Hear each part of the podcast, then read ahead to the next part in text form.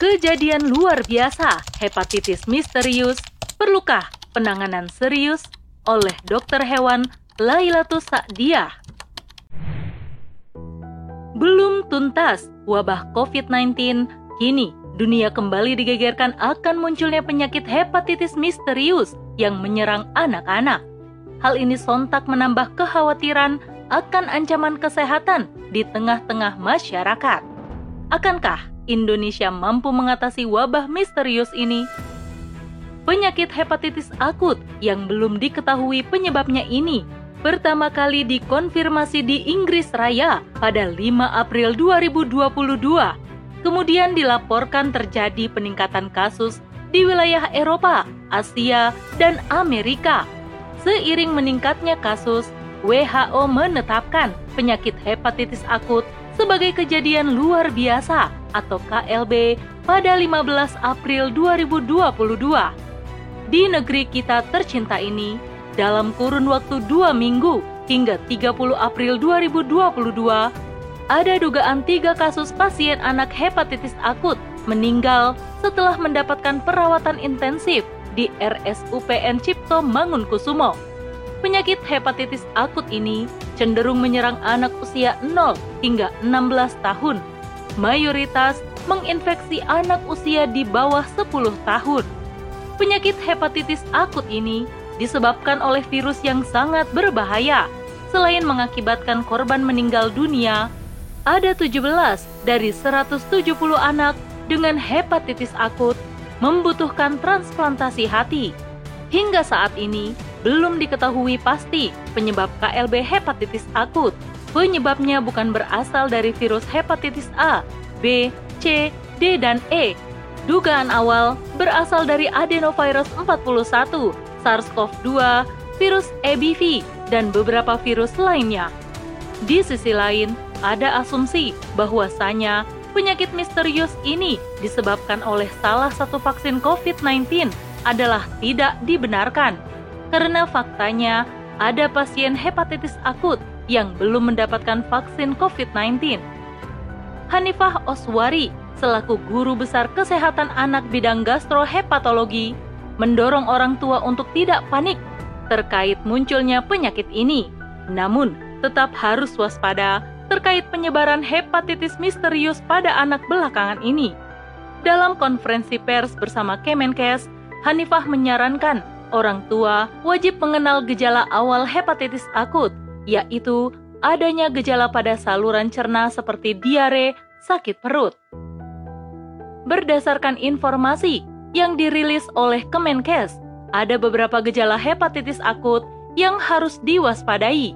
Di antaranya adalah gejala awal, mual, muntah, diare berat, demam ringan. Gejala lanjut, air kencing berwarna pekat seperti teh dan BAB berwarna putih pucat, warna mukosa mata dan kulit menguning, gangguan pembekuan darah, kejang, kesadaran menurun. Namun perlu diingat, jika telah ditemukan gejala awal, sebaiknya segera dibawa ke fasilitas pelayanan kesehatan terdekat agar resiko buruk bisa ditekan sekecil mungkin dan pasien bisa mendapat pertolongan terbaik. Hepatitis adalah penyakit peradangan hati atau liver. Peradangan pada hati ini biasanya disebabkan oleh beberapa hal, yaitu infeksi virus, infeksi cacing hati, kebiasaan minum alkohol, obat-obatan, hingga penyakit komorbiditas seperti autoimun. Namun, untuk kasus penyakit hepatitis misterius, sudah dapat dipastikan penyebabnya adalah infeksi virus walaupun belum diketahui secara pasti jenis virus yang menginfeksi. Maka, untuk mengonfirmasikan adanya infeksi hepatitis misterius ini adalah dengan cara pasien yang bergejala penyakit kuning sudah menjalani berbagai tes hepatitis A, hepatitis B, C, D, dan E dengan tes hasil semuanya dinyatakan negatif. Faktanya, gejala penyakit kuning tidak hanya disebabkan oleh hepatitis saja, namun juga disebabkan oleh beberapa penyakit lain, yaitu 1. Infeksi virus Epstein-Barr. Virus Epstein-Barr atau EBV adalah virus yang umumnya menginfeksi anak dan orang dewasa. Virus ini menular lewat saliva atau air liur. Namun, selain gejala penyakit kuning, EBV bisa mengakibatkan demam, pembesaran kelenjar getah bening, dan gejala lain. 2. Batu empedu Batu empedu adalah kristal yang terbentuk pada kantong empedu yang kemudian keberadaannya bisa menyumbat saluran empedu. Batu empedu kemungkinan terbentuk karena adanya kadar kolesterol tinggi atau berlebih kadar bilirubin pada empedu. 3. Kanker Kanker pankreas dan liver juga bisa mengakibatkan penyakit kuning. Namun, kasus ini cukup jarang terjadi pada anak-anak. 4 anemia hemolitik. Anemia hemolitik merupakan kondisi di mana kekurangan sel darah merah. Hal ini disebabkan karena sel darah merah hancur lebih cepat daripada pembentukan sel darah merah baru.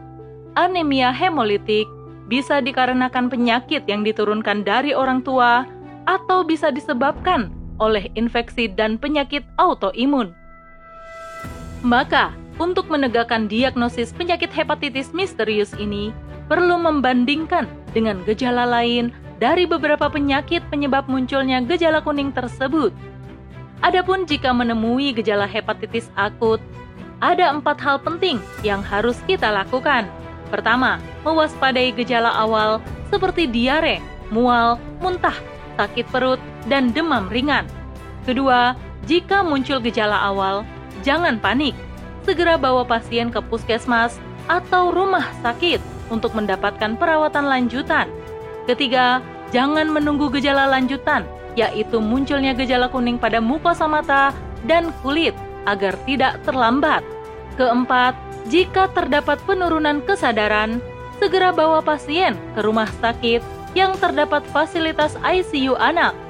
Sebagaimana dugaan awal, bahwa penyakit hepatitis misterius ini berasal dari infeksi adenovirus 41, di mana adenovirus pada umumnya menular melalui saluran cerna dan saluran pernafasan.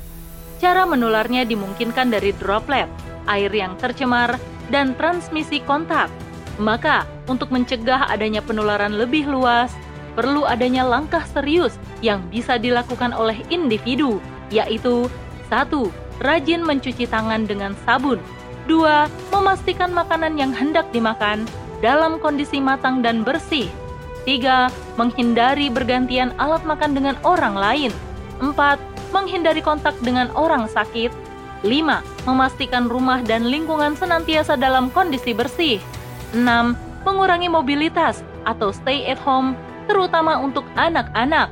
Tujuh, menggunakan masker jika berpergian. 8. Menjaga jarak dengan orang lain. 9. Menghindari kerumunan.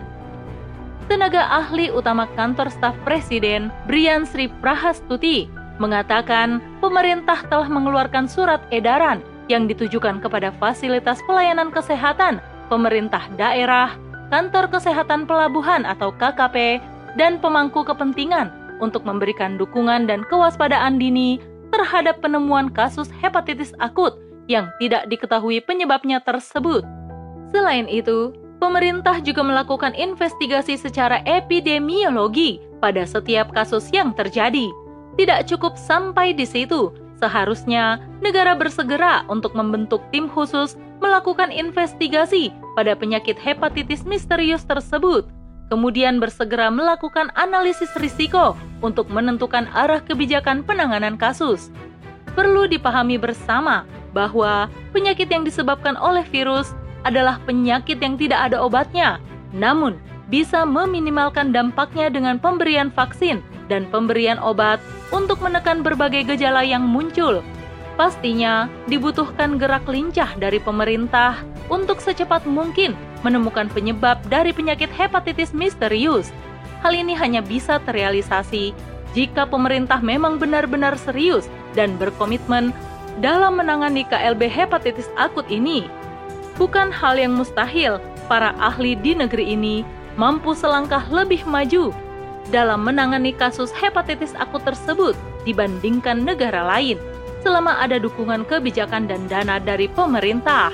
Pemerintah seharusnya tidak boleh abai karena ini menyangkut kesehatan generasi calon pemimpin bangsa di masa depan. Penyelenggaraan kesehatan dalam ajaran agama Islam adalah tanggung jawab negara. Negara adalah satu-satunya institusi yang wajib menjamin dan mencari solusi atas setiap permasalahan dalam bidang kesehatan yang menjadi ancaman bagi rakyatnya. Namun sayang, hal ini sepertinya jauh berbeda layaknya penyelenggaraan jaminan kesehatan dalam sistem pemerintahan saat ini. Rumitnya birokrasi dan minimnya dukungan dari segi dana oleh pemerintahan menjadikan sebab terhambatnya tenaga ahli dalam menghadirkan solusi di tengah-tengah masyarakat. Padahal, sejatinya fungsi pemerintah adalah perisai bagi rakyatnya, di mana setiap kebijakan yang dikeluarkan pemerintah akan dimintai pertanggungjawaban oleh Allah Ta'ala. Sebagaimana merujuk pada hadis yang diriwayatkan oleh Bukhari dan Muslim, Rasulullah Shallallahu Alaihi Wasallam bersabda, seorang kepala negara akan diminta pertanggungjawaban perihal rakyat yang dipimpinnya. Kiranya pemimpin saat ini yang notabene beragama Islam sudah seharusnya berkhidmat dan memahami betul perintah dari hadis tersebut, karena sedikit saja ada kesaksian atas kezoliman oleh rakyat berkaitan dengan aktivitas kepemimpinannya, maka akan mendatangkan siksa Allah Ta'ala atas dirinya. Wallahu a'lam bisawab.